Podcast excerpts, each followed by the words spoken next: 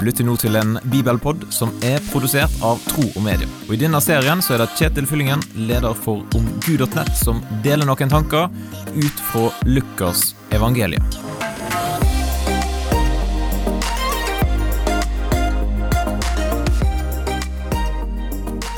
Det kan jo være godt å ha noe å strekke seg etter, men kanskje ikke alltid. Hvis du ser at her er det ingen sjanse til at jeg skal nå opp, ja, da kan du jo bli litt frustrert. Jeg lurer på om de som lytter til Jesus kan ha kjent litt på da at de kommer altfor til kort, for Jesus legger jo lista ganske høyt i evangeliet til Lukas kapittel 6, vers 27 til 36.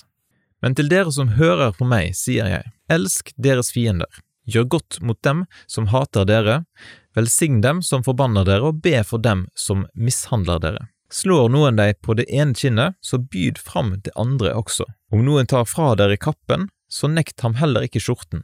Gi til hver den som ber deg, og om noen tar fra deg det som er ditt, så krev det ikke tilbake. Som dere vil at andre skal gjøre mot dere, slik skal dere gjøre mot dem.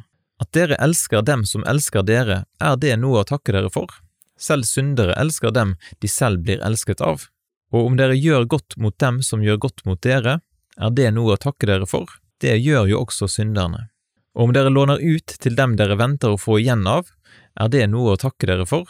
Også syndere låner til syndere for å få like mye igjen.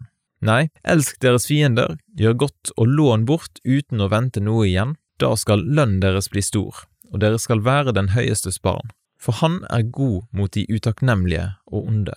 Vær barmhjertige slik deres far er barmhjertig.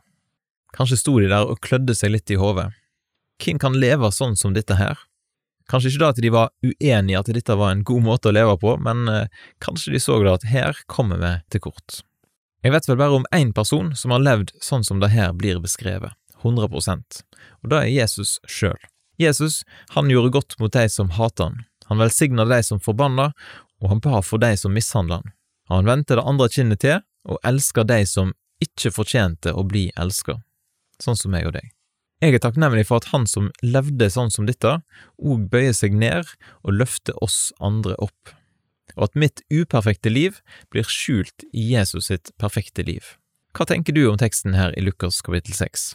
Du er velkommen til å dele dine tanker med meg. Du kan sende en e-post til kjetil kjetil.troogmedier.no. Da ønsker jeg deg en fin dag, og så poddes vi jo plutselig igjen. Takk for at du lytter gjennom denne bibelpodden. og Vil du gi en tilbakemelding på det som du hørte, eller vil du lære mer om kristen tro? Da kan du gå til nettsida omgud.nett. Eller du kan sende en e-post til kjetil etter troogmedia.no.